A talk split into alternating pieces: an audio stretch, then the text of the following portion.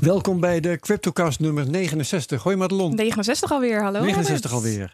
En hoi Martijn Wismeijer voor de tweede keer. Ja, hoi. is- En dankjewel voor de chocolaatjes. Ja, ze zijn heerlijk. De chocolaatjes, een doos bonbons. Ja, Van fantastisch. hier tot Tokio. Goed, dankjewel. Ehm dus als we straks met de volle mond zitten te praten hier, dan weet eh, iedereen ook waar het door komt. Goed, eh 69e aflevering dus met sponsors bitonic.nl, bitmymoney.com en satos.nl.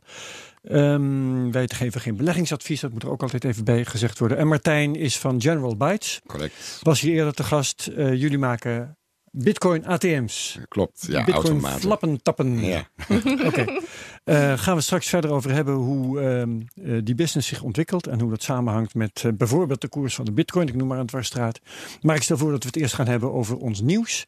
En ik wil jou Martijn maar gewoon als eerste het woord geven. Ehm, Weet je wat Ja. leuks? ja, eh, leuk. Wat ik gisteren tegenkwam was een, een nieuw concept. Dat heet Pool Together. En daarbij kunnen mensen eigenlijk hun geld uitlenen, hun crypto geld uitlenen en daar Ja. rente voor ontvangen. Eh, die rente die krijgen ze niet. Iedereen poelt samen. Dus één iemand wint alle rente. En daarna krijgt iedereen zijn inleg terug. Dus eigenlijk is het een manier om de gokverslaving, wat natuurlijk negatief is, eh, en voor problemen zorgt, om dat om te draaien met een soort gamification in een methode om te sparen en, en ja, eh, Ja. rente te ontvangen. Rente te ontvangen. Ehm, het fenomeen rente is natuurlijk een beetje onwennig als het gaat om crypto. We denken altijd meer aan, aan eh, koerswinst, tenminste als je op Nou een bepaalde ja, in crypto zit. Niet? bestaat het al een poosje, want je kunt ook zelfs een hypotheek krijgen in Correct, cryptocurrencies. Precies. Dus het is, Volgens mij heeft Brock Pierce dat hier in Amsterdam gedaan met een pand die hij hier gekocht heeft. dat, dat is correct, ja. Eh, En, en rente bestaat ook al, maar dit is wel een Eh, positieve ja. wending aan gokverslaving. Ja, eigenlijk is het een loterij. Maar de samengepoelde inleg wordt gebruikt om eh, via eh, Compound, een of andere eh, market, te investeren. Wat rente genereert. Maar ja, één loodje genereert niet zoveel rente. Nee. Dus alle rente wordt aan één van de lothouders uitbetaald. Ja. En, en, en daarna krijgt iedereen zijn inzet. Als je het uitkleedt op het bot, dan is het dus eigenlijk, je zet eigenlijk de rente in. Ja. Je Ja. zet je eigen rente in. En eh, al die rente wordt dan op een gegeven moment aan één persoon uitge... Het, Eh, het maar eerste wat ik dan denk is eh, risk return. Als je rente krijgt voor iets, dan zit er vaak een bepaald risico aan. Mensen gaan shorten daarmee, ja.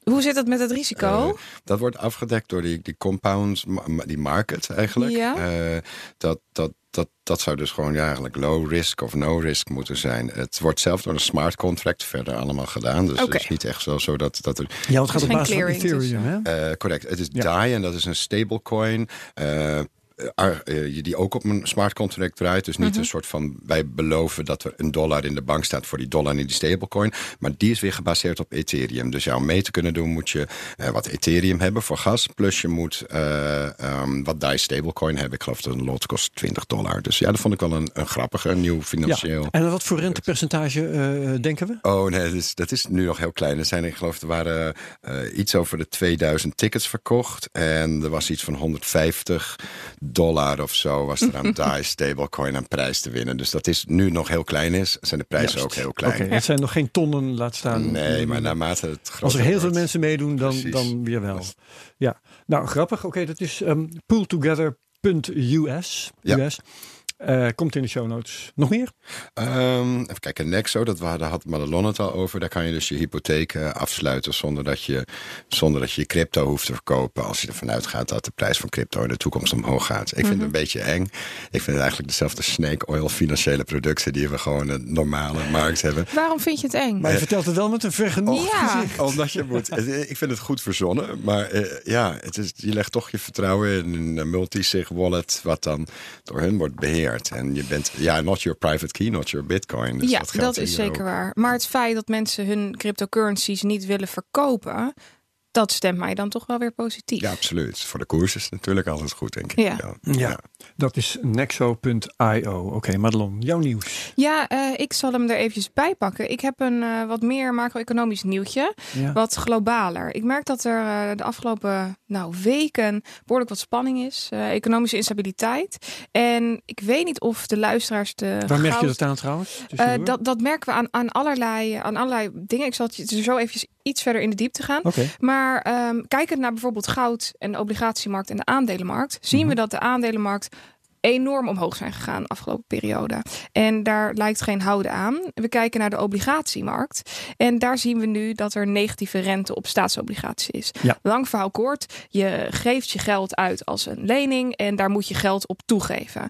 Wat houdt dat nou in? De, het vertrouwen in de banken neemt af. Mensen willen niet meer hun geld bij banken neerzetten. En ze willen het ook niet meer in de aandelenmarkt kwijt. Want die is al zo erg omhoog gegaan. top, ja. Dus ze kiezen maar voor die veilige obligaties. Want dat is een eh, defensieve manier van beleggen, zoals ze dat dan noemen. Een hele rustige manier, omdat de kans dat een land failliet gaat heel klein is.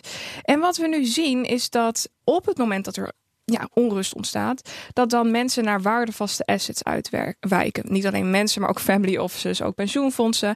En dan zien we terug in de koers van goud. Goud is de afgelopen week met een, een fors percentage in, in goudtermen. En dan spreek je over een percentage van 5 à 10 procent. Dat is goudtermen Zo. fors. Ja. Eh, in, in bitcoin is dat natuurlijk niks, nagenoeg niks. Mhm. Maar eh, voor goud is dat enorm. En het interessante is dat Bitcoin wordt beschouwd als het nieuwe goud. En als we dan kijken wat andere mensen hierover zeggen, bijvoorbeeld Jim Reed van de Deutsche Bank, die zegt eh, dat de, de Fed is nu bezig met het, met het verlagen van van de rentestanden, omdat ja, ze kunnen economisch gezien geen kant op. En hij zegt, het zou wel eens kunnen zijn dat mensen op het moment dat er geen faith meer is in paper money, dus geen, geen, ja, dat mensen geen vertrouwen meer hebben in papiergeld, dat mensen gaan uitwijken naar een ander middel en dat dat dan bitcoin kan zijn. En het feit dat dit wordt gezegd, dat, dat ja, maakt me niet zoveel uit. Maar het feit dat dit iemand is die bij een bank werkt als Deutsche, een van de grootste banken van de wereld, die zegt: jongens, we moeten oppassen. Het gaat hier niet goed. Twee weken geleden was de CEO van de tweede grootste bank van Duitsland die zei: over twee jaar kijken we hierop terug, want de ECB die heeft een grote fout begaan en het was één groot experiment wat mislukt is. We kijken hier aan tegen een enorme, enorme bubbel en dan noem ik niet Bitcoin. Mm, ja. Dan bedoel ik dat wij economisch op het randje van de afgrond bungelen. En eh, dat dit vroeg of laat gaat eindigen in mensen die op zoek gaan naar safe havens. En daar zou Bitcoin dan eentje van kunnen zijn. Ja, ja, ja, ja. Dat eh, doet me ook denken aan wat ik eh, niet zo lang geleden ergens in een van de vele dingen die ik lees tegenkwam. Iemand die met een beetje tongue in cheek zei: de dollar zit in een bubbel. Ja. Ja, zo zou, ook zo zou je het kunnen gevonden. zeggen. Zolang je maar geld bij blijft drukken, gaat Ja. dit goed. Maar op het moment dat QE stopt, dan eh, ploft het in elkaar. En dat zien we dus nu langzaam al. En als zelfs directeuren van banken nu gaan roepen dat het, dat, ja, dat het einde in, in zicht is, dan eh, ja, hebben we toch met z'n allen een probleem. En Ja. het mooie is dat dit de reden is waarom ik ooit Bitcoin heb gekocht. En nu alleen maar meer denk, wat er ook gebeurt, no matter what, ik hou het. Ja, ja, ja. Oké, nou spannend. En Ja, dat is ook wel iets, denk ik, waar we de komende volgen. tijd op eh, terug zullen komen. Ja. Goed. Had ik een paar dingetjes.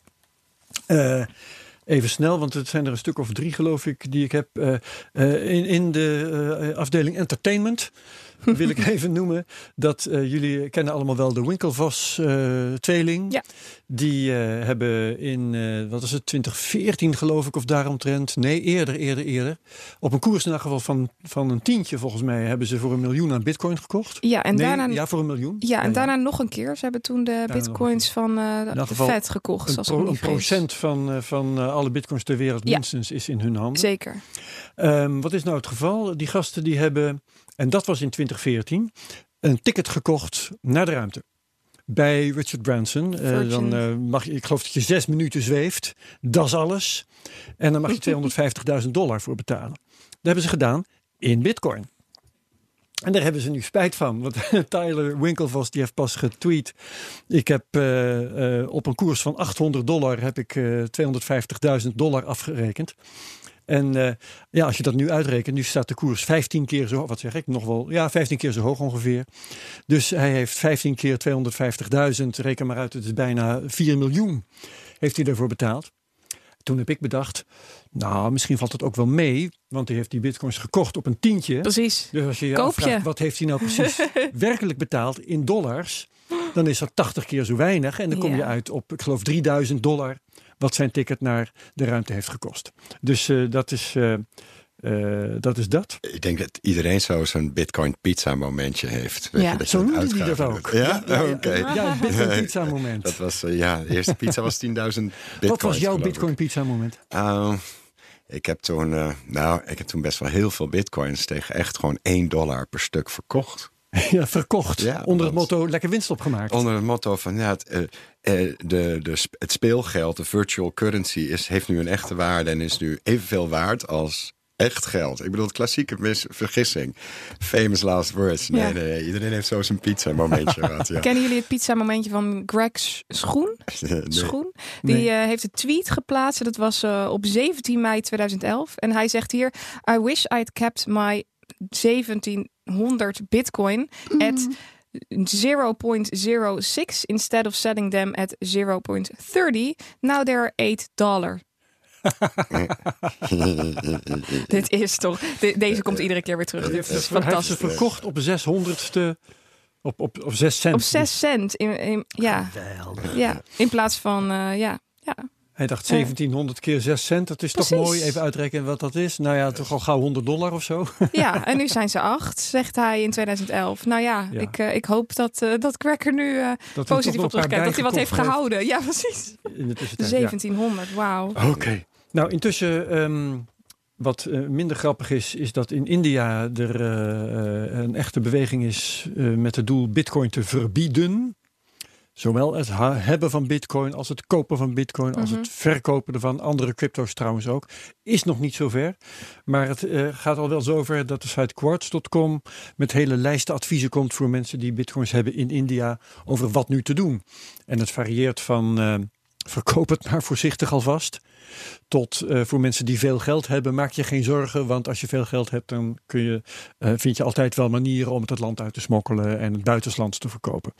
Maar in India uh, is dus de situatie onzeker en zou het wel eens menens kunnen worden. Ik weet, er is ook ontzettend veel controle als Indiërs teruggaan naar India en ze hebben bijvoorbeeld controle op, op juwelen en horloges en, en, en waarde, waardeartikelen. Daar, daar worden ze echt heel erg streng op gecontroleerd. Dus ik denk dat dit ermee te maken heeft. De Indiaanse overheid wil gewoon niet dat iedereen van zijn roepies af wil. Ja. Nou ja, en dat willen ze misschien wel. Ik weet niet hoe zwak de roepie is. Weet jij dat, Madelon? Uh, dat weet ik zo Martijn? niet. Nee? Ik heb geen idee. We weten niet hoe zwak de roepie is, maar we weten wel hoe sterk de bitcoin is. Um, en ten slotte... Um, even kijken, wat wilde ik nou nog meer? Ik dacht dat ik er nog in had, maar uh, ik geloof niet dat ik hem uh, terug Ja, die uh, bitcoin ATM's. Ik zie hem hier staan. Oh ja, precies. Ik dacht, ik, ik, las de, ik las de kop verkeerd. Maar dat is inderdaad, en dat moeten we met Martijn bespreken natuurlijk. Er zijn inmiddels, meldt cointelegraph.com, 5000 bitcoin ATM's op de wereld. Ja, dat correct, correct. Op zichzelf natuurlijk niet zo vreselijk veel. Want nee, hoeveel flappertappen zouden er nou zijn? Waarschijnlijk miljoenen. Ik denk het wel. Het is, ja, er zijn er ook nog niet. Zo, daarom... We beginnen pas.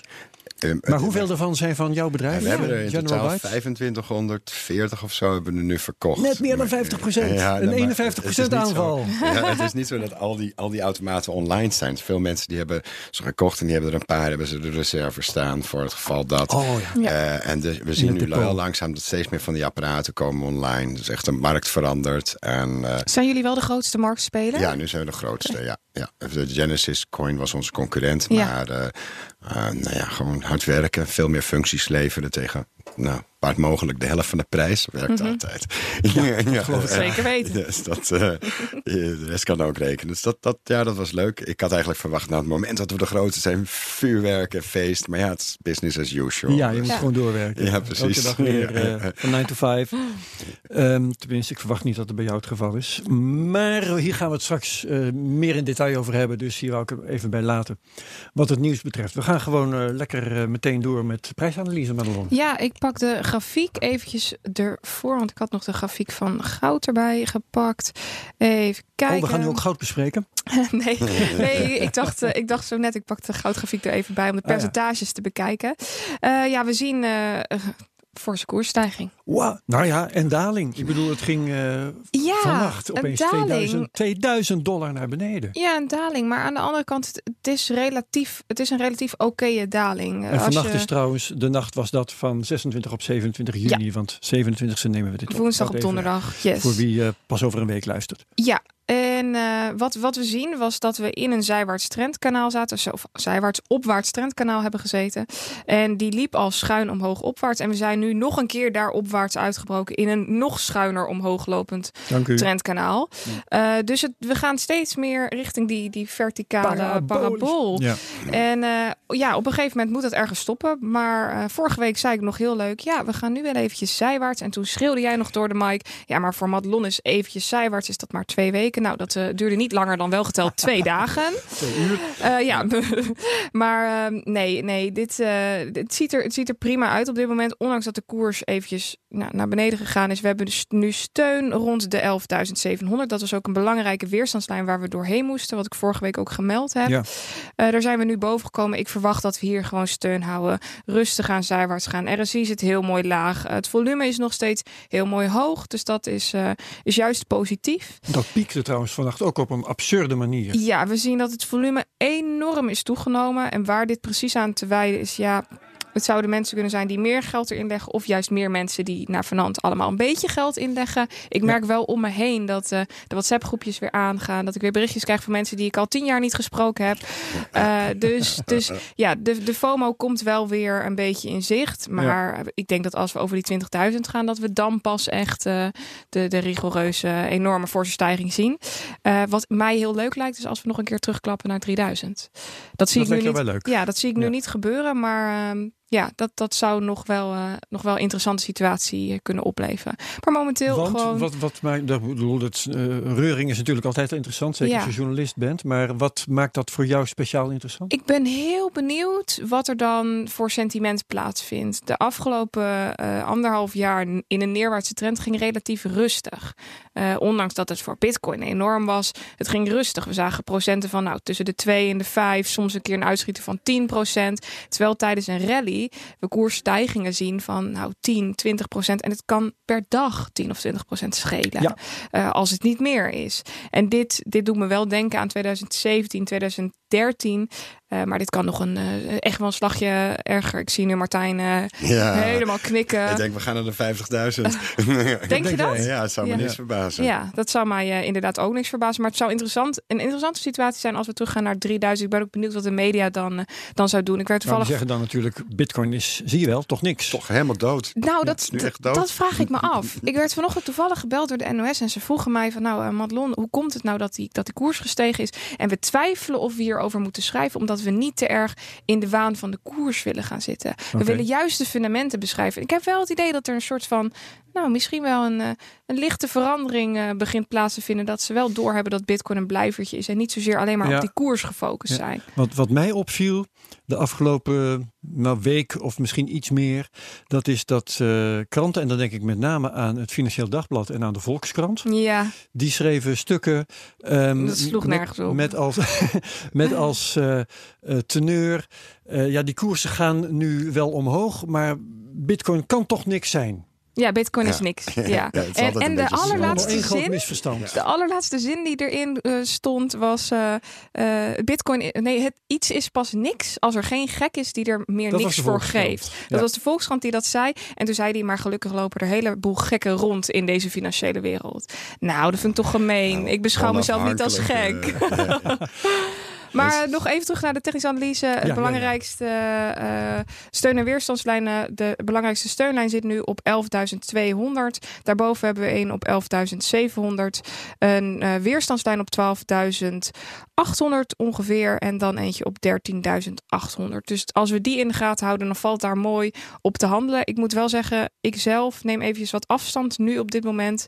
en ik kijk het eventjes aan. Ik ga niet te veel hierbovenop zitten, want ik wil hem niet missen. dat mijn indicatoren een sein geven om te verkopen. En dat ik, ja, ik, ik ga hem nog even aankijken. Dus want Martijn zegt die mening, die mening deel ik wel. Ja, ja, ja. En, en je zegt dus eigenlijk, uh, er kunnen zulke gekke dingen ja. gebeuren op dit moment. Ja. Dat je, je kunt het niet voorzien. Precies. Ik heb Teller nog in mijn achterhoofd zitten. We weten het niet. ja. ja. Ja, oké. Okay. Goed. Dankjewel. Um, dan wil ik... Um, jullie even verwennen met een. Uh, want dat heb ik vorige week gezegd. Hè? Als, oh het, als Bitcoin de 10.000 passeert, dan ga ik microcashen. nou, dus ik heb alvast een Excel spreadsheetje aangemaakt met tot vanochtend wat fictieve cijfers. Trouwens, het hele eh, ik, ik, ga nu dus microcashen met het tegoed dat ik heb opgebouwd met eh, de op zichzelf al fictieve operatie van 100 dollar per week. Hè? Ja. Dus ik heb 92, 0,92 bitcoin. Wanneer was je nog maar begonnen, Herbert, met dit project? Nou, eh, dat was in februari Ja. een jaar geleden. Dus nou, winter, winter vorig jaar. Ja. Dus ik heb een jaar lang heb ik elke week, 50 weken lang heb ik elke week 100 dollar ingelegd fictief. En eh, dat, eh, daar ben ik heel mooi de, de bodem mee doorgekomen. Dus, Mhm. nou, vorige week heb ik beschreven hoeveel eh, rendement ik daarmee heb gemaakt. Fictief. En nu heb ik dus 0,92 bitcoin. En ik heb vanmorgen gekeken, de koers op dat moment was 11.832 dollar. Ehm, en daarvan ga ik nu dus elke week 1% cashen. En niet eh 100 weken lang dezelfde 1%. Nee, elke week cash ik 1% van wat er dan nog ligt. Oké, Het leuke daarvan is dat het nooit opraakt. Want Nee. ik heb het uitgerekend, na eh, drie jaar is er nog, vier, is er nog 70% over. Na vijf jaar is er nog 54% over. Na tien jaar is er nog 30% over. Ja? ja. Dus het raakt nooit op. En het is heel spannend. Dus ik kan, dit microcashje kan ik eeuwen volhouden, zo nodig. Maar ik ga nu even gewoon vertellen wat er de eerste week gebeurt. Ik cash dus tegen 1100, 11, sorry, 11.832 dollar. Cash ik 0,092 bitcoin. Is dat, eh, want ik zie jou heel moeilijk kijken, Madelon, maar dat, dat is duidelijk. En 0,0, Ja, ja, zeker. sorry, 0,00. Ik, ik doe niks. Ik, elk cijfer moet ik opnieuw herstellen. Dus ik zeg het nog één keer vanaf het begin. Ik heb 0,92 bitcoin. Mhm. Ja. Koers is 11.832. Ik cash 0,0092 bitcoin, want 1% van die 0,92. Dat levert op, even kijken dat ik het goed zeg, 109 dollar. Ik rond even af. 109 dollar cash ik. En mijn tegoed, dat was, even kijken waar dat dan weer staat. Eh. Je totale inleg bedoel je, Herbert? mijn, nee, mijn, mijn totale tegoed was 1000, Ja, zeg ik het nou goed? 10.000. 10.000. Ja, ik, ik, ik zie die cijfers. Ik zeg, klopt dat eigenlijk wel? Ja, die 5000 dollar die zijn gestegen tot 10.892 dollar. Ja. Dat is mijn tegoed. Daar gaat dus nu 100. eh, 108,92 dollar af. Ja, Oké, nou zijn we er. Blijft over 10.783 dollar. Dat is dat. En wat ik dus geïnd heb, is 2,18% van mijn oorspronkelijke inleg. dus dan is het ook zo als je hiermee doorgaat, Herbert, in een stijgende trend, dat op een gegeven moment jouw inleg, eh, dat je die op een gegeven moment gewoon compleet terug hebt. Ja, want ik nu door 1% van mijn totaal te cashen, Precies. cash ik 2% van wat ik heb ingelegd. En er gaan nog veel gekkere dingen gebeuren. Ik zal het maar vast voorspellen. Ik cash elke week 1%. Als in een week de koers met meer dan 1% oploopt, dan heb ik een hoger tegoed, ook al heb ik gecashed. Ja, Hey, dat is dat geweldig. is interessant. Ja. En ja, dat wordt dus heel leuk. Wauw. En eh, daar wou ik het maar bij laten, anders brengt Ja. iedereen nog veel meer in de war. Volgende week verder en dan zal ik eh, uitleggen hoe het eh, dan gelopen is. Leuk. Right, we gaan lekker praten met Martijn. Ja, Yes. gezellig. Gezellig. Ehm, we gaan praten over eh, de ATM-business. We gaan praten over Libra, de coin van Facebook. Ja. Eh, we gaan praten over eh, Lightning, als het enigszins wil. En we gaan praten over nog iets. Even kijken wat we ook weer nog meer hadden. Prrp. Even naar beneden. Ehm, de effecten van, van de bear market en de, en de bullrun. Ja. Natuurlijk, dat soort zaken. Perfect. Dus, eh, nou ja, 5000 ATM's staan er op de wereld. 2500 en iets meer zijn van jullie, van General Byte. De, ja, we, wat ik zeg, dus er zijn wel meerdere aanbieders, eh, maar we hebben het grootste marktaandeel.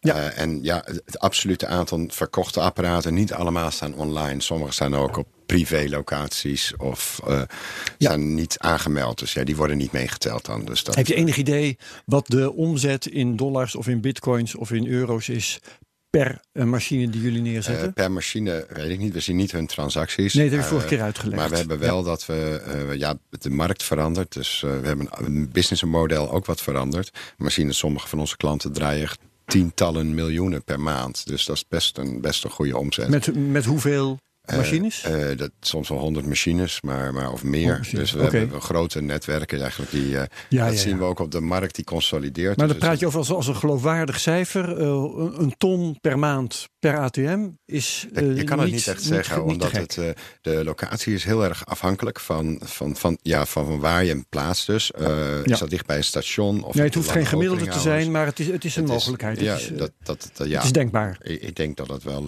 dat is wel mogelijk, ja. Ja, oké. Ehm, en wat, wat mij eh, zo fascineert, je hebt de vorige keer, toen waren we eigenlijk al bezig met eh, de, de crash. Al wisten we dat nog niet helemaal zeker, hè? want dat was eh, april eh, 2018 of zo. Dus toen wisten we nog niet precies hoe erg het nog zou worden. Maar hoe zijn jullie eh, die bear market doorgekomen? Um, ja, het, het, is, het is voor een, um, uh, een, een Bitcoin-gerelateerd bedrijf wat ook hardware produceert. Of je nu, nu Trezor wallets maakt of je maakt General Bytes ATM's.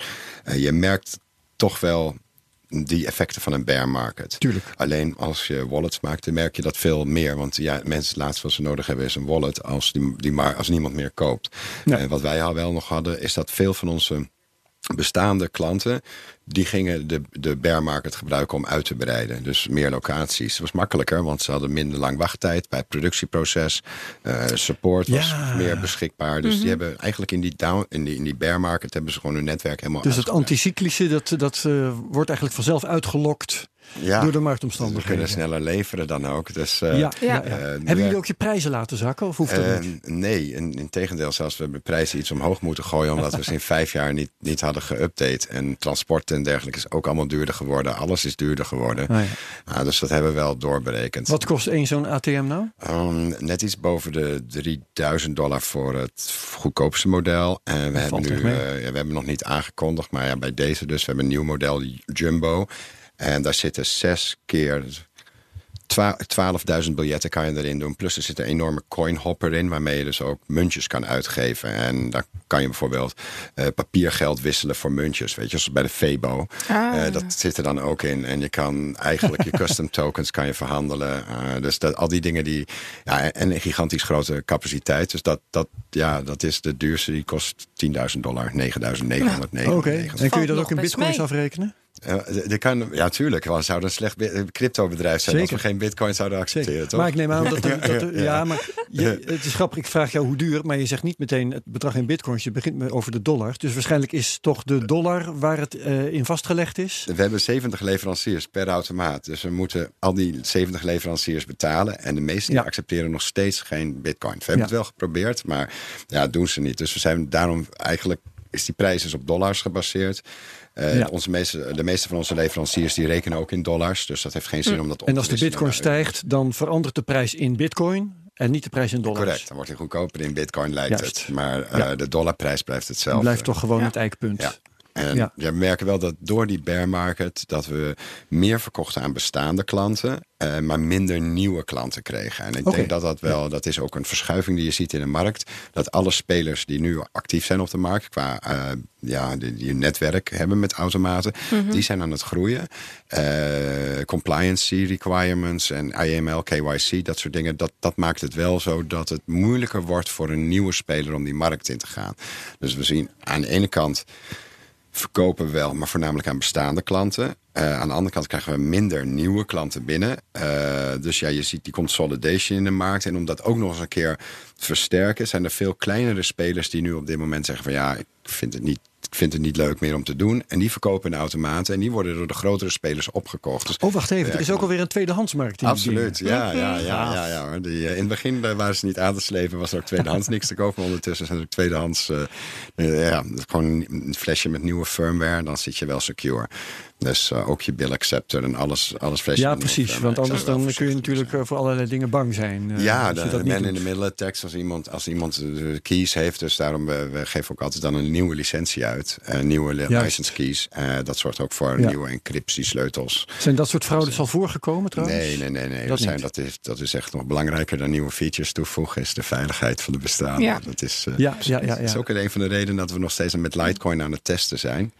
Ehm, ja, zei je, of sorry, Litecoin, eh, Lightning. Lightning. Litecoin Ah. has been like done deal. Maar Ja, precies. eh, Dat- dat- Lightning dat is aan gewoon het al. testen. Ja, dat moest gewoon veel getest worden. En er waren allemaal kleine mogelijkheden om die andere dan weer een hak te zetten. Maar nu komen de watchtowers op het netwerk. Dus alles wordt wat beter en, en makkelijker is het nu ook om te testen. Dus binnenkort ook Lightning erop. Maar het- leg even uit dan wat Lightning voor features toevoegt aan een ATM. Uh, kijk, eh, voor, een, voor een clubachtige omgeving waar je het geld bij de bar vandaan wilt hebben. En je wilt bijvoorbeeld eh, NFC-kaartjes gebruiken of gewoon een wallet op de telefoon. eh, dan is het handig om dat direct te kunnen uit, uitgeven. Dat je niet eerst moet wachten 10 minuten totdat de blok geconfirmed is. Uh, bovendien zijn, als het vaak micropayments zijn, bijvoorbeeld eh, een Efteling zou de Efteling coin willen maken. Ze maken hem op de ERC20 token. Eh, Ik bedoel, stel ze zouden dat willen doen, dan zouden ze dat eenvoudig met de bestaande hardware kunnen doen. En die Efteling tokens, die kunnen ze op zo'n zo'n armbandje eh, laten op een NFC-chip zetten. Of ze kunnen dat op een, op een wallet app zetten. Maar het is wel.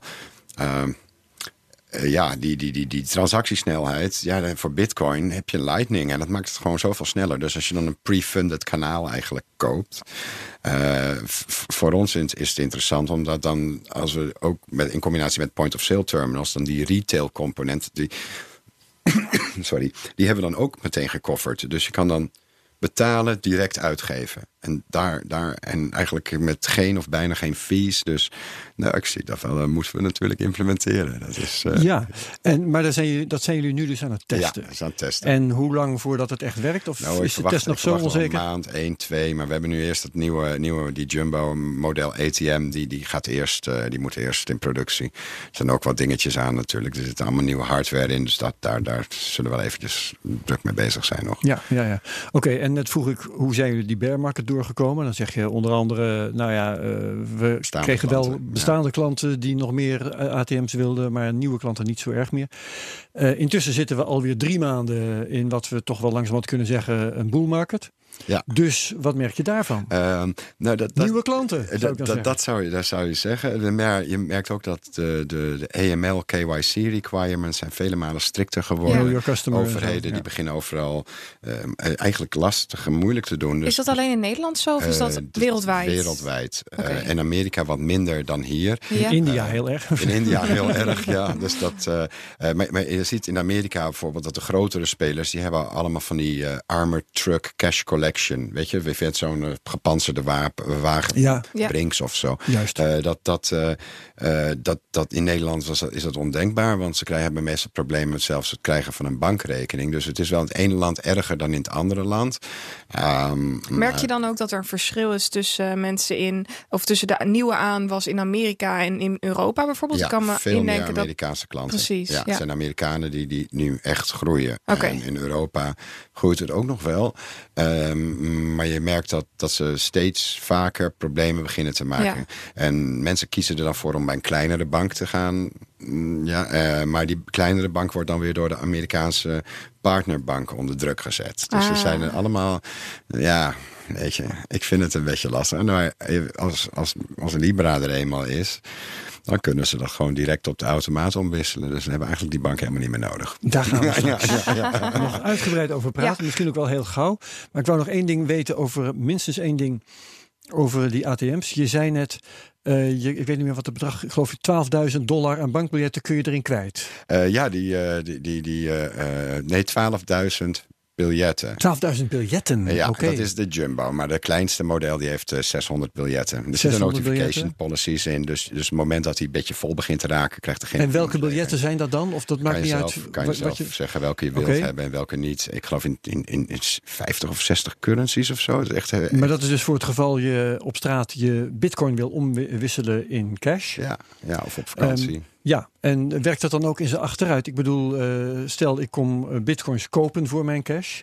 Ehm, kan het apparaat dan maximaal 600 biljetten aan opbergen? Eh, ja, de, de, de kleinste modellen wel. Komt het uit dezelfde bak trouwens? ik bedoel, wat, wat ik ja, krijg... dat, is, we, hebben zeven, we hebben nu acht verschillende modellen. ja? De, de BATM2-series, dat zijn eigenlijk de, de one-way ATM's. Die hebben alleen Ja. maar een cash acceptor. Die accepteert Oké, eh, 600 biljetten. Er is ook nog een large En dan is versie. die vol. En dan gaat er een rood lampje branden Eh, en dan stopt hij van, ermee. Nee, van Please Rob Me. Nee, Eh, eh, nee dat gaat voor die, dat gaat, voor die tijd gaat er al een notificatie via Telegram Messenger naar degene die verantwoordelijk is voor het vol, leger. dan eh, komt de... Ja, of boven een x-bedrag. Kijk, ik- als, Ja. als iemand je, je, je eh, cashbox volstopt met 5 euro's... dan tikt dat niet zo hard aan als dat iemand met, met, met 50 euro biljetten dat, dat zit te doen. Hè. Ja. Dus, dus je kan eh, limits zetten via, eh, of limits, eh, notificaties via Telegram, sms of e-mail. En dan krijg je gewoon een berichtje, of degene die daar verantwoordelijk is, die krijgt een berichtje van: hé, hey, die, die, ah, ik ben die en die apparaat en ik moet nu geleegd worden. Dat zijn de kleinere modellen. We hebben ook een groter model met grotere cashbox, die kan tot 1000 biljetten aan. Eh, daarnaast merken we dat op de BATM 3-series, daar was meer behoefte aan, meer variatie. Eh, wat je net zei, eh, dat, dat zo'nzelfde biljet ook weer terug wordt gegeven. Dat noemen ze een cash recycler. Eigenlijk kan je het zien als Ja. een soort van rol. En elke keer als er een, een biljet komt... en dat is een biljet van een van de twee nominations... bijvoorbeeld zeg je dat je de 20 euro en de 50 euro wilt recyclen... Ja. dan gaat de rest gaat direct door naar de cashbox die er beneden zit. Die lijkt eigenlijk op de cashbox van de one-way machine. Behalve dat net voordat het de cashbox ingaat... zit daar dus nog een soort van rolmechanisme... die dan, eh, ik geloof, twee keer of 120 biljetten of zo. Dus niet zo heel veel, maar kan recyclen. Een gokautomaat werkt op diezelfde manier. Oh. Dat is hetzelfde hardware ook. Het is hetzelfde soort... En het is milieuvriendelijk, hè? Geld hergebruiken. Ja, dat Is, ja, voor de high-speed locaties is het beter om een dispenser te gebruiken. En die dispensers, dat is gewoon eigenlijk een, een- een, een box met eh, twee nominations, bijvoorbeeld 20 en 50 euro, en dan helemaal gevuld. Maar die moet wel Ja. apart gevuld worden. En het is dan, eh, de- dus sommige wetgeving, bijvoorbeeld in België, eh, moet het geld eerst door een mens worden bekeken voordat het weer uitgegeven mag Wauw, worden. oh ja, Dus ja, ja. Dat is Dat ook zijn er weer een van die plaatselijke Ah, wetgeving Ja, waar je precies. rekening mee moet houden als je. in, in Engeland hebben ze instelt. eh, van die polymer banknotes. Dat zijn van die plastic bank, eh, bankbiljetten.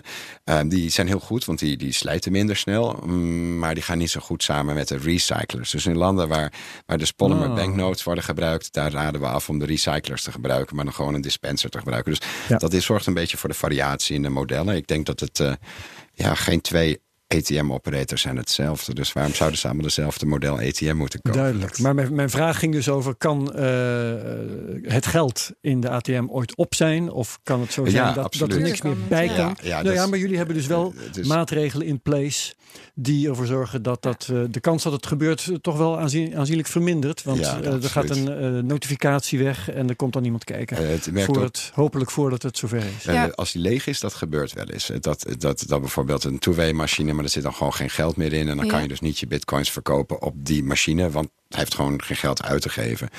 Eh, ik heb sommige locaties, daar gaat het zo snel dat je kan bijna iemand ernaast zetten om dat ding continu te blijven bijvullen. Want, want dat, gaat, dat is toch gewoon de volume heel hoog.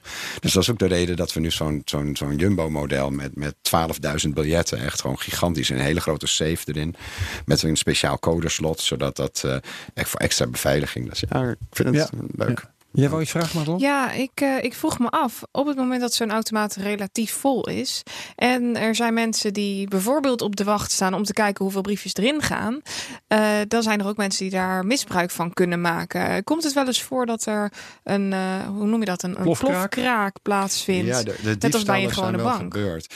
Uh, we hebben in de Verenigde Staten ook gezien uh, dat daar sommige automaten gestolen zijn. Daarom we raden ook altijd aan om ze te, met, om goed aan de uh, met, met een chemisch anker uh, ja. vast te maken. Net zoals dat je een kluis bevestigt eigenlijk. En dat, is, dat zit een heel chemisch anker? Ja, dat is, je, je boort eerst een gat. Daar gaat een soort twee componenten vloeistof in. Die is heel dun. Dus die, die dringt tot zo heel ver door in het beton. Terwijl het nog zacht is, gaat er een soort van tapeind. Een metalen tapeind gaat daarin. Wow. En dat hardt dan uit. En dan als het eenmaal uit is gehard, dan is die, die, die comp twee componenten, uh, ja, uh, resin of whatever. Dat, hars, ja. dat hars die is dan zo hard dat het eigenlijk nog steviger is dan het beton waar die op gemonteerd staat. Dus het is een tricky, maar ja, dat, ja, dat, dat is gewoon wel nodig. En, ja. stel dat, dat iemand hem wel uh, mee, meeneemt, kunnen jullie hem dan weer terugvinden? Zit er dan een GPS de alarm in? Of? met GPS. Okay. En uh, zijn nu bezig ook nog om zo'n, uh, om van het rook, de, weet je, zo'n, wow. am van het rook uitkomt. Dus dan is het gewoon ook waardeloos. Even onuitwisbare inkt rondsproeien. Ja, of, uh, Op dit moment alarm met GPS, ja. Ja, die, dat, dat de, ze een tijdje terug bij de Nederlandse bank... of, het, of we ook biljetten konden herkennen die met inkt waren eh, gemarkeerd. Dus Mhm. dat ze uit, uit een koffertje kwamen wat geploft was of zo. Ah, Maar er is geen Europese standaard van plofinkt. dit is plof. Dus we ja. kunnen niet speciaal speciaal gaan testen voor die inkt. Het, we kunnen wel zien dat als er op een gegeven moment wat vlekken op zitten, dat dat, dat, dat de, de, de kenmerken beschadigt van het biljet. En dus geen, niet langer een geldig biljet is. Ja. Maar als er een heel klein druppeltje ergens in een hoekje zit, kan je dat niet zo 1, 2, 3 herkennen. Nee. Oké. Nog meer over de ATM's, Madelon? Nee, dat was hem. Ja, ik, Ik ben eigenlijk wel heel benieuwd naar, naar? Libra. Ja, maar eh, wil, jij, wil jij nog iets kwijt over de ATM's? Iets wat we Eh, niet, hadden, wat we niet hebben gevraagd, maar Nee, hadden dat was het. Dat was het Ja. wel zo'n beetje. Ja. Prachtig. Libra, Madelon. Ja, ik ben, eh, ik ben heel benieuwd naar wat jij denkt van Libra. Je noemde het net al. Ik, ik zelf zal het niet snel gebruiken. Maar de, het is ook de enige reden dat ik op Facebook zit, is omdat onze klanten daar zitten. Anders was ik er al lang weg geweest. Dat, ze- Ja. dat zei je de vorige keer ook. Ja. Als onze klanten dan gewoon weggaan van, van Facebook, Ja. kan ik ook mijn account ook sluiten. Eh, Ja. dus, dus ja, om ze dan eigenlijk ook nog eens een keer toegang te geven tot, tot eh, ja, financiële data, misschien niet zo'n goed idee. Aan de andere kant weer een heel goed idee omdat ik denk dat, dat die Facebook coin of Libra zou ervoor kunnen zorgen dat het grote publiek beseft dat ze kunnen bankieren zonder dat ze een bank nodig hebben. Ja. Ja, En als ze dan precies. Dat is de stap later- kleiner. ja, die Ja. stap is kleiner, want, want de bank, hoezo bank? Ik bedoel, dat kan Facebook kan het ook, ja. Eh, en en het- op hetzelfde moment zal dat mensen ook leren van... ja, oké, het is nog steeds gemonitord... en mijn privacy is nog steeds niet gewaarborgd... en er zal ongetwijfeld fraude mee worden gepleegd. Dus dan zullen ze zelf erachter komen dat bitcoin toch de betere keuze is. Maar dat zijn mensen die niet initieel naar bitcoin zouden hebben gekeken of anders. Dus Mhm. ik, ik denk, het, ja goed, ze noemen dan ook dat ze helemaal de unbanked willen gaan eh, voorzien van een portemonnee. Maar al die nobele dingen, dat is er niet. Het is gewoon een money grab natuurlijk. Ja, absoluut. Maar ehm, jij denkt dus dat Libra een stepping stone, om maar eens eventjes in die termen, Ja. voor Bitcoin kan zijn. Ja. Maar, maar geloof je dat echt zelf? Want ehm, als je kijkt naar, eh, naar hoe mensen eh, Facebook zelf tegemoet treden, dan lijkt het toch niet erg op dat ze zich veel zorgen maken. En dan praat ik over de, de, de grote massa, hè, ook in derde wereldlanden, zo, dat ze zich erg veel zorgen maken om die privacy. Ja, dat, dat, dat klopt. Daar letten mensen niet op. Maar Nee. ze willen wel dat een transactie die ze doen, dat die, of, of als ze wat geld sparen, dan krijgen ze geen rente, krijgen ze erop. Dat is gewoon een soort van ja, ja, Alipay, WeChat-achtige applicatie. Eigenlijk wordt Facebook de nieuwe WeChat, eh, de Europese, eh, ja, de westerse versie van, van WeChat. Die hebben ook die online eh, payment systems. En daar krijg je al geen rente op. Dus ik denk dat mensen op een gegeven moment dan toch denken van, goh, ik wil wel een beetje rendement. Oh, weet je wat, ik koop wat bitcoin. En op die manier ja, wordt het ook makkelijker. Het Wat ik me afvraag, eh, op het moment dat mensen gebruik maken van jullie ATM's, doen ze dat waarschijnlijk om maar één ding en dat is privacy. Ik kan bitcoin kopen via mijn Wire- WireX-kaart, die kan ik gewoon bij de winkel inleveren en ik kan betalen. Als ik wil dat mijn privacy gewaarborgd is, gewaarborgd is, doe ik dat bij een ATM en dan doe ik dat met een zo laag mogelijk bedrag. Maar stel nou dat ik Facebook coin koop of de Libra co- coin koop, dan hoeft dat niet meer per se via jullie ATM. Want Libra staat gelijk aan het hebben van nul privacy. Denk je dat dit ook eventueel in jullie eh, omzet zou kunnen gaan snijden? Dat de ATM's misschien wel helemaal nou ja, naar de zijkant verschuiven? Ik denk, nou, dat, dat, verwacht ik, dat verwacht ik eigenlijk niet. Mhm. Eh, Ik denk wel dat, dat de, eh, met, met die Facebook-coin zou me niets verbazen als daar een mogelijkheid komt om bedragen terug te boeken, net zoals met PayPal. Als dat het geval is, dan zal je nooit Precies. met Libra bitcoin kunnen kopen. Ja. Omdat je dan namelijk een soort van fraudeprobleem hebt. Ja. Hetzelfde, de reden is dat, dat je niet met PayPal kan je geen bitcoin kopen. Je Ja. kan wel bitcoin verkopen en dan via PayPal ontvangen. Want ja, niemand gaat natuurlijk betwisten dat een inkomende transactie, dat ze die niet willen hebben. Maar je kan het niet, je kan niet via andere PayPal kant de andere Ja. kant op. En eh, ik dit verwacht dat, dat, dat, dat zoiets ook met Facebook Coin of Libra het geval zal zijn. En hoe kijk je naar het hele eh, fundamentele aspect? Zij verkopen het als zijnde een product voor de derde wereldlanden, Nee, eh, wat non-profit is, is. dit is gewoon business as usual. Ja. Kijk, de, de manier waarop ze geld verdienen... het is een beetje vergelijken met die, eh, met die Pool Together site... die we eerder hadden in Mhm. de uitzending. Eh, ze verdienen het geld doordat iedereen koopt zo'n Libra investment token. Ik weet de precieze naam, weet ik niet. Maar die kost 10 miljoen en stel Ja. iedereen die koopt dat. Ja. Nou, dan, dan hebben ze dus eigenlijk een soort van pool... waar met geld waarmee ze kunnen spelen. Vervolgens, Uber en Spotify en Mastercard. Visa, en, precies, PayPal, ja. Dus ja, dan, De, de rente die ze zouden krijgen op die 1 of op die 10 miljoen, dat is dan natuurlijk niet zo interessant. Zeker voor een investeerder is dat niet interessant.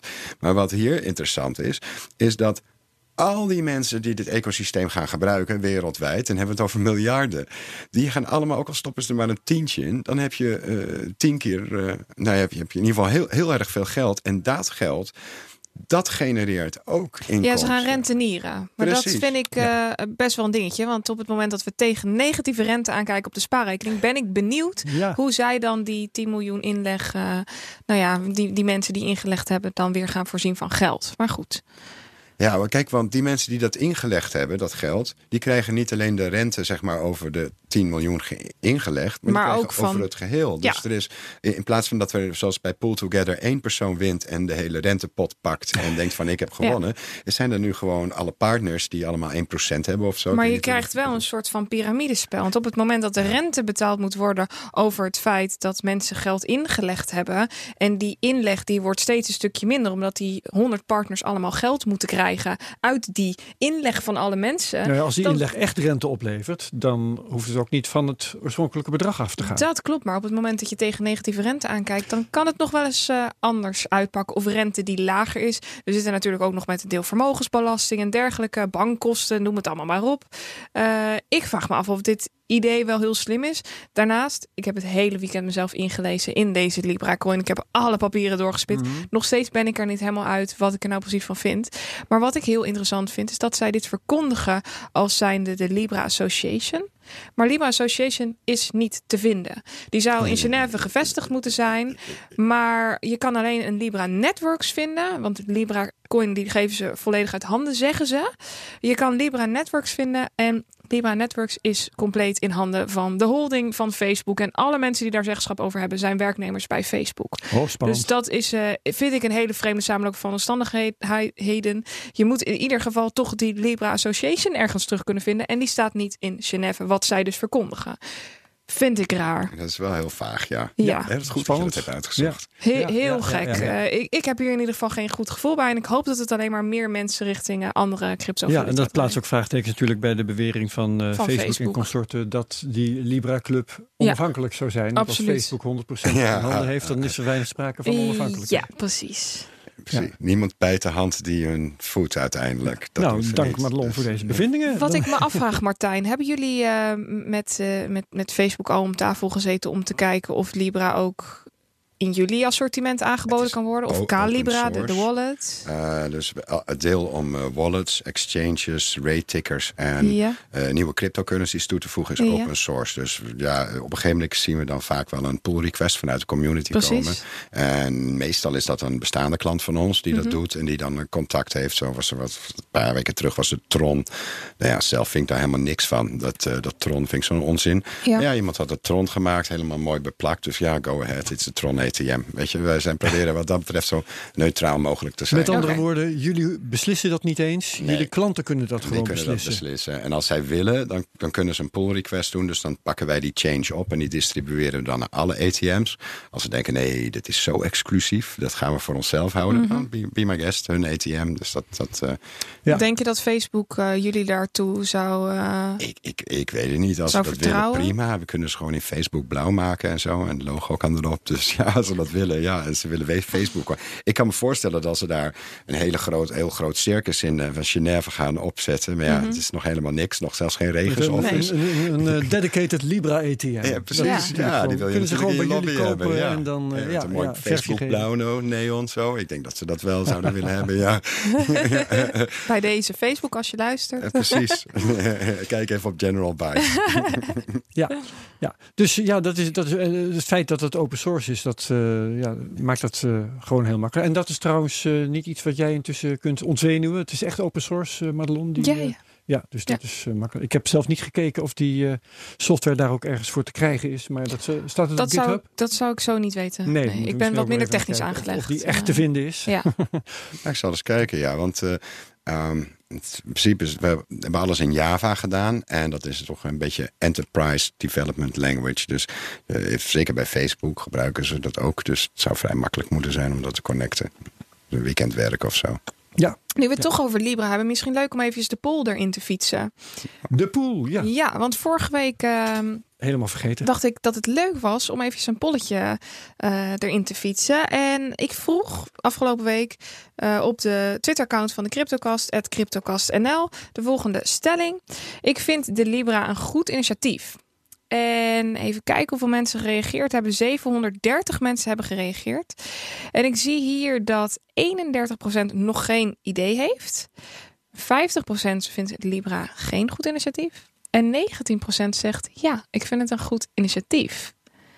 Ik vind dat wonderbaarlijk. Wat, Wat vind, jij? precies wat- wonderbaar? dat, dat 19% zegt ja, het is een leuk Toch nog. initiatief. Interessant. Ja, want je zou ook onder onze, eh, onze, on- onder onze luisteraars, onze twitteraars, zou je Ja. een bepaalde bias verwachten. En dan zeg je van Precies. 20% is best wel heel veel Vind ik die het wel. nog een goed initiatief vinden. Ja. Wat vind jij daarvan, Martijn? Is dit Ik een vertrouw beetje... Facebook gewoon niet zo. Ik bedoel, ze, ook al doen ze zo hun best. ehm, je- elke keer. Ja, het DNA, hè? Ja, er is gewoon iets structureel mis Ja. met de manier waarop zij met informatie omgaan. Dus ik begrijp dus, eh, ja, dat mensen sceptisch zijn. Ja, wat ik zeg, het zou, het zou het grote publiek bekend kunnen maken met crypto. En Mhm. als ze het daar eenmaal hebben gebruikt, dan weten ze, zien ze ook de voordelen van Bitcoin. Eh, die zien ze vanzelf. Want het kan, dat zal geen perfect systeem zijn. Ik, daar geloof ik gewoon niet in. Mhm. Dus dat, daarom zou ik zeggen van ja, hm, waarom niet? Het is voor mensen Ja. belangrijk eh, om- om te weten dat je niet meer om, om Een te bank parkeren nodig niet meer hebt. een bank nodig hebt. Ja. En, en, en dit is de eerste stap. Hey, en eh, nou heb ik een vraag aan jou eigenlijk, Madelon. Want eh, jij bent van, van eh, de koersen en het traden. En Martijn die zegt net... Het zou best kunnen dat eh, die Libra mensen eh, richting verdere andere crypto helpt. Eh, wat we hebben gezien op de markt, dat is dat ja, de koersen waren natuurlijk al uitbundig aan het stijgen. Mhm. Hè, dat was heel duidelijk te merken. Maar sinds Facebook die bekendmaking heeft gedaan, zie je eigenlijk twee dingen. De koersen zijn nog veel harder gaan stijgen. Ja, klopt. Maar er is ook een geweldige kwak volatiliteit bovenop gekomen. Ja. En dan vraag ik me af, zonder dat ik dat verder zeker weet, heeft dat met, met elkaar te maken? Die volatiliteit en een stijging van de koers of een daling van de koers, die gaan wel vaak hand in hand. We zien als de koers voorstijgt in een bepaalde periode, dat dan de, de spikes van paniek, dat dat Ja. ook heel erg rigoureus gaat. Op grote stijgingen volgen ook winstnemingen en zo. Precies, maar ook Ja. forse winstnemingen. Zeker. En, en je ziet sneller dat mensen in paniek raken. Ik merk het nu ook. Mijn hele inbox zit vol met, met tientallen berichtjes van mensen die zeggen: Help, gisteravond ging het omlaag. Gaat het nu verder omlaag? Eh, toevallig was er iemand die van de week onder mijn YouTube-kanaal de comment plaatste. Ja, Facebook eh, vind ik toch wel een stuk interessanter dan, eh, dan Bitcoin. Ik denk dat ik in Facebook in Facebook Coin investeer. Eh, als, als zulke mensen kiezen voor Facebook als investment terwijl het een stablecoin is, dan zijn Ja, we nog lang niet daar waar we, waar we moeten zijn. Dus eh, ik, ik, het is heel erg logisch dat een koers zo fluctueert. En ik merk wel dat de crypto community zich heel erg afzet tegen Facebook in het algemeen en Ja. ook tegen de Libra. Eh, men zet echt de hakken in het zand. En dan om nog niet te spreken over Calibra, die eh, de, de wallet of de, ja, ja, de wallet die ze, die ze introduceren, die echt in handen is compleet van Facebook, waar ze ook openlijk over uitkomen. Eh, ik, ik, ik word hier helemaal niet blij van als ik dit zie. Maar wat Martijn wel heel terecht zegt, is dat natuurlijk hierdoor mensen eerder in aanraking komen met cryptovaluta. Ja. Maar je legt eh, verband tussen eh, stijgingen in En volatiliteit, En, daar- en volatiliteit. Dat is oké, dat snap ik. Maar ehm, denk je intussen wel dat er een verband kan zijn tussen het bekendmaken van Libra, het presenteren van Libra en die versterkte stijgingen die Ja. we gezien? Ja, Dat absoluut. wel. Want de geruchten eh, die, die begonnen al begin mei. En ook als je kijkt naar wanneer eh, die, die Libra Networks in Genève geregistreerd is. Dat was op 5 mei, als ik me niet vergis. Vanaf toen zagen we de koers ook langzaamaan steeds verder stijgen. Dus hoe meer de geruchten kwamen van Facebook is ergens mee bezig. Hoe meer mensen zich beginnen af te zetten. Hoe meer bedrijven zich... Althans, zo zie ik het. En als het niet zo is, dan vind ik het wel een heel fijn gevoel om dat te geloven. Dat de hele crypto community de hakken in het zand zet. Ja, ja, ja, ja. En intussen, ehm, eh, om wat voor reden zou je in Libra kunnen stappen? Eh, invest- investering is eh, niet, met- niet het goede woord. Nee, absoluut dat is niet. duidelijk.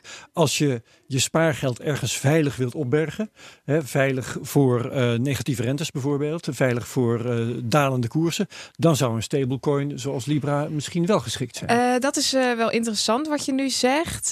We zien inderdaad dat er heel veel gesproken wordt over negatieve rentes of een ophoging van de inflatie. Als je cashgeld niet zou verbieden, dan zou je een, een, extra verhoging van inflatie krijgen. Dus al het geld wat niet op de bank staat, dat wordt automatisch minder waard. Ja.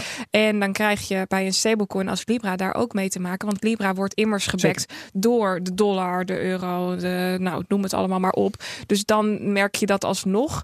Uh, ik denk dat Libra vooral handig is voor mensen die gewoon heel snel via de telefoon betalingen willen doen via WhatsApp. Een telefoonnummer in plaats van een bankrekeningnummer, IBAN, een naam, uh, weet ik veel wat allemaal wat je tegenwoordig moet invullen. Het is gewoon heel handig. Ja. ja. En een heleboel mensen die zeggen, nou, privacy, wat is dat? Het maakt me helemaal niks uit. Dus vanuit dat perspectief, ik kan me zeker indenken dat dit voor een bepaalde doelgroep heel geschikt is. Ja. Maar ik krijg hier echt, uh, mijn haren gaan recht overeind staan hiervan. ja. ja. ik zie het. ik word gelijk helemaal... Uh, ja. Um, intussen las ik ook nog ergens deze week dat die uh, uh, blockchain, het zou een crypto cryptocurrency zijn, hè, Libra, uh, zou een blockchain aan verbonden zijn. Um, ergens las ik, maar ik weet, zoals wel vaker, weet ik niet meer precies waar, dat die blockchain geen serieuze blockchain is, maar een, een blockchain die uit maar één blok bestaat. En dus meer een database is. Martijn ja. zit te, te oh, lachen. Ja, ik, dat, ik, dat, dat, heb, heb jij heb niet ik nog ergens niet zien eens. staan? Uh, ik, ik ben nog niet eens zo dan diep moeten we dan nog even gaan checken. Ik ging er gewoon vanuit dat er wel een blockchain zou zijn, maar dat het waarschijnlijk ja, de enige die een, die een full node kunnen draaien, zullen waarschijnlijk de partners zijn die 1% hebben geïnvesteerd of zo. Ja, heel ja. simpel uitgelegd. Even kijken, ik heb het toevallig van de week uitgezocht. En het is geen. Libra is zowel geen blockchain als geen crypto. En dat komt, ik pak het er eventjes bij. Geen. Ja, nu komen we in de, in de definities. Want ik heb ook mensen horen beweren ja. dat uh, het is eigenlijk geen crypto. Uh, en dan toen de argumenten kwamen, toen dacht ik van nou, dat vind ik persoonlijk wel meevallen. Het maar, gaat hierbij om een permitted ledger. En dat uh -huh. betekent dus dat je toestemming moet hebben om in de database te kunnen. Ja. En dit, dit grootboek, uh, daar kunnen wij met z'n allen niet in. Nee. En wat is uh, de noemer van een blockchain? Open, decentraal, iets waar iedereen aan deel kan nemen. En dat kan hierbij niet. Is het, ja. Vind je het dan een blockchain? Um, een blockchain ja, is een blokkenketen die je achter elkaar stapelt. Dat is bij dit, bij dit systeem niet het geval. Het is gewoon één grote ledger waar allemaal gewoon uh, transacties in worden gegooid, waar een paar mensen toegang ja. toe hebben. Dus er zit geen verschil tussen een database van een bank en een database van de Libra, vind ik. Nee, uh, kijk, en dat uh, voor mij uh, is een, een, een, blockchain. Dat is inderdaad blokken die achter elkaar zitten, waarbij elk blok ook inf informatie bevat over het, mm -hmm. even kijken dat ik het goed zeg, over het vorige blok. Ja. Dat is een blockchain. Als dat ontbreekt, kan het geen blockchain zijn. Het is één groot Het groot, feit groot of het boek. wel of niet publiek toegankelijk is, dat vind ik persoonlijk minder essentieel. Ja, beter wel ja. publiek toegankelijk, maar, maar ik ja, dan kom je eens, meer bedoel, richting distributed ledger. Hyperledger dat je zo, zegt, dat een, soort. een, auto op drie wielen kan geen auto zijn, want de meeste auto's hebben, hebben vier wielen. Maar dat vind ik dan toch ja, minder... dat is toch een driewieler dan? Ja. ja. ja. ja. Dankjewel Martijn voor deze bijdrage. Ja, maar nee, ik, ja. ik vind dat je daarover van mening mag verschillen. Maar ik vind echt, uh, een, blok, een blockchain is een ketting van blokken.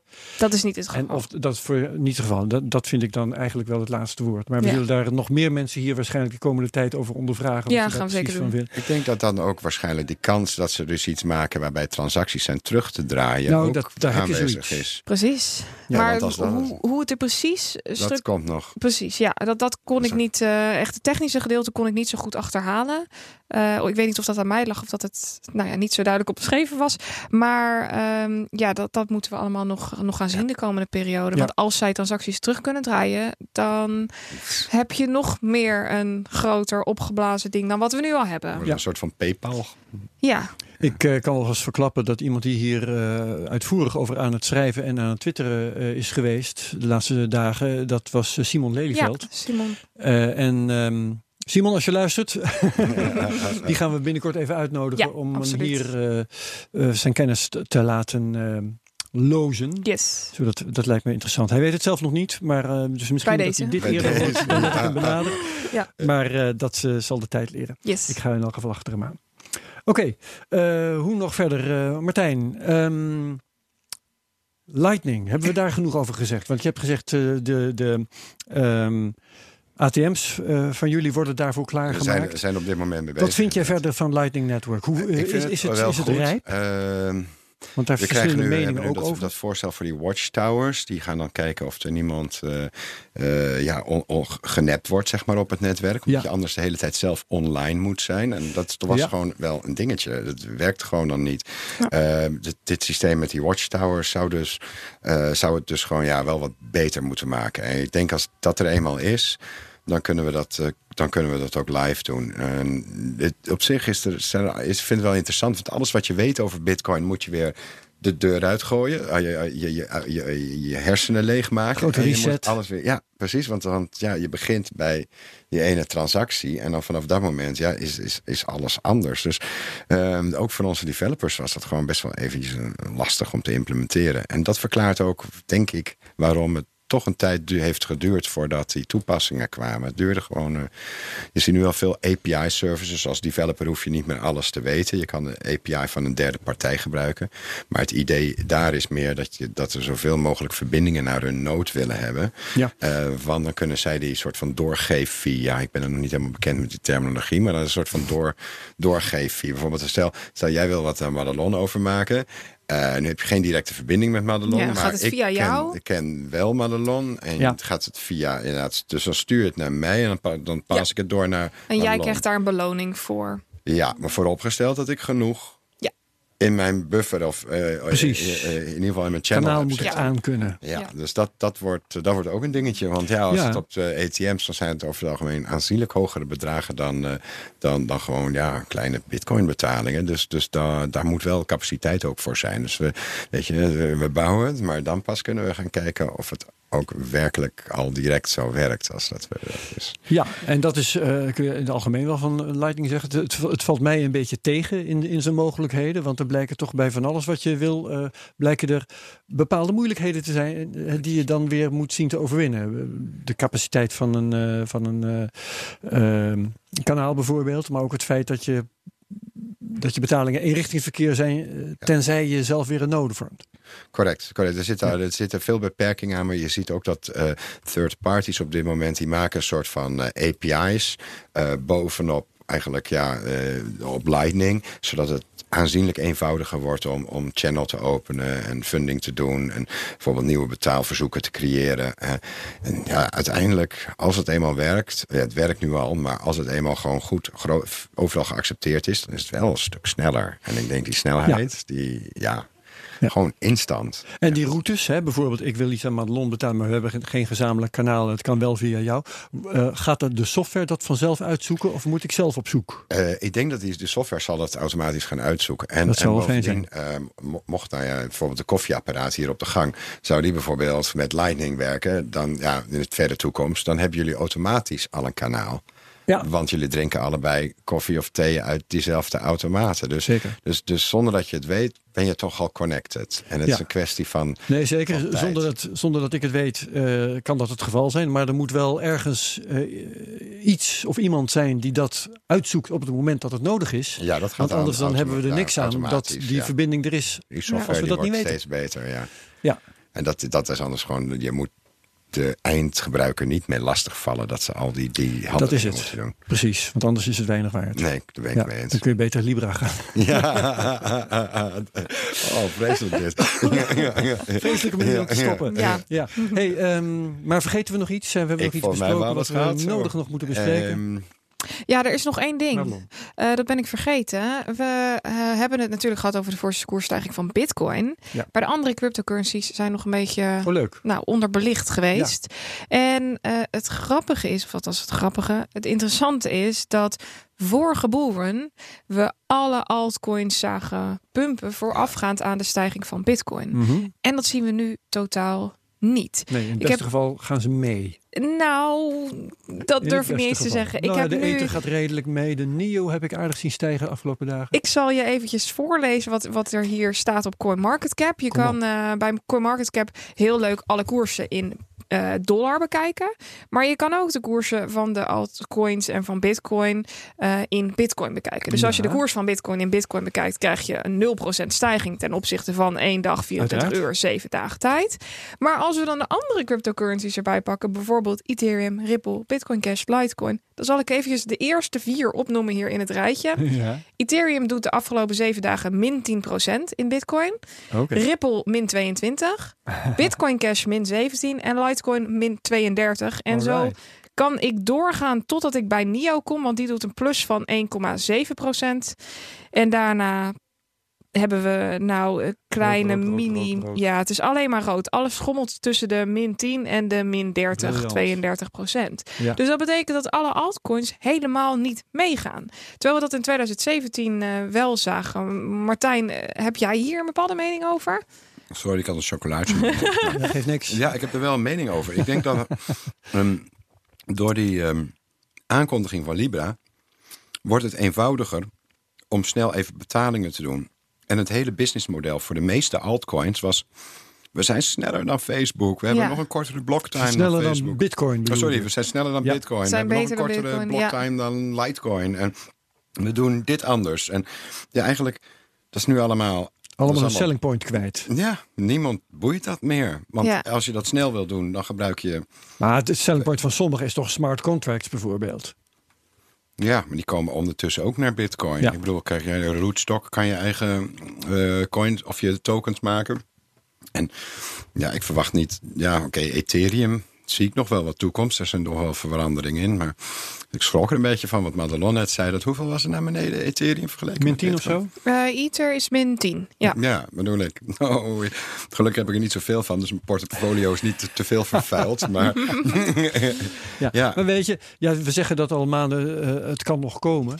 In elk geval was in 2017 was het eh, om en om. Hè. De ene keer ging Bitcoin harder, de andere keer gingen de alts harder. Maar het begon toen met een alt-season. En ik merk ook Ja. op Twitter dat iedereen zich de hele tijd afvraagt wanneer dat alt-season nou komt. Ja. Eh, en tot nu toe lijkt het er niet op. Zelfs toen vannacht die klap kwam, zag je heel even een paar cryptocurrencies, waaronder Ethereum, eventjes meegaan omhoog. Dus dan pak je de Bitcoin Ether grafiek om dan te kijken, nou kunnen we daarmee? Ik heb hem toevallig nog naar jou doorgestuurd, Herbert. En ehm, dan zie je hem heel kort mee opleven. En als Bitcoin weer omhoog gaat, klappen al, alle altcoins in. Maar straks als Bitcoin naar beneden klapt, moet het geld ergens heen. Dan zou er een kans kunnen zijn dat het richting de altcoins gaat of richting fiat. Maar ja, dat Ja, moet de toekomst eh, stablecoins. leren. Ja, Oké, zou ook nog stablecoins. ja, zucht. Ik zal, ik zal het, eh het L-woord De niet Libra. gebruiken. Oké, leuk. Dankjewel voor eh, deze altcoin-update. Yes. We gaan ermee stoppen met Crypt- CryptoCast nummer 69. Martijn Wismeijer van General Bytes, hartelijk bedankt. Dank jullie En wel. dank ongetwijfeld tot de volgende keer. Altijd Dat, gezellig. eh, is altijd lekker als je langskomt.